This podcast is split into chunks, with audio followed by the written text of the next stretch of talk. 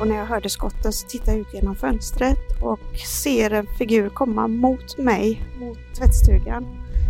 Och nästa ögonblick ser jag att han har ett vapen i handen.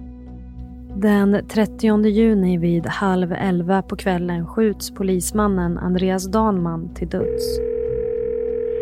Hej, det är precis skottlossning här på Arsnädet, Stockholmsdäcket. Hej, det får vad inträffat?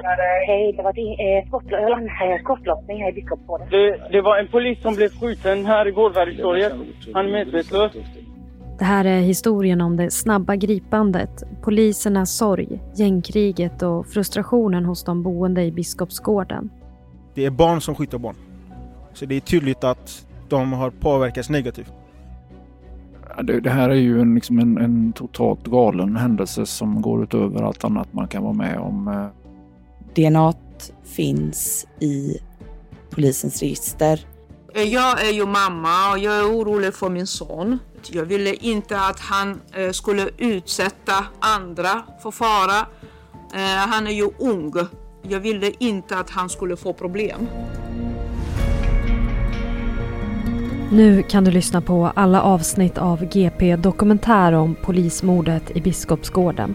En poddserie från Göteborgs-Posten med mig, Linnea Svensson.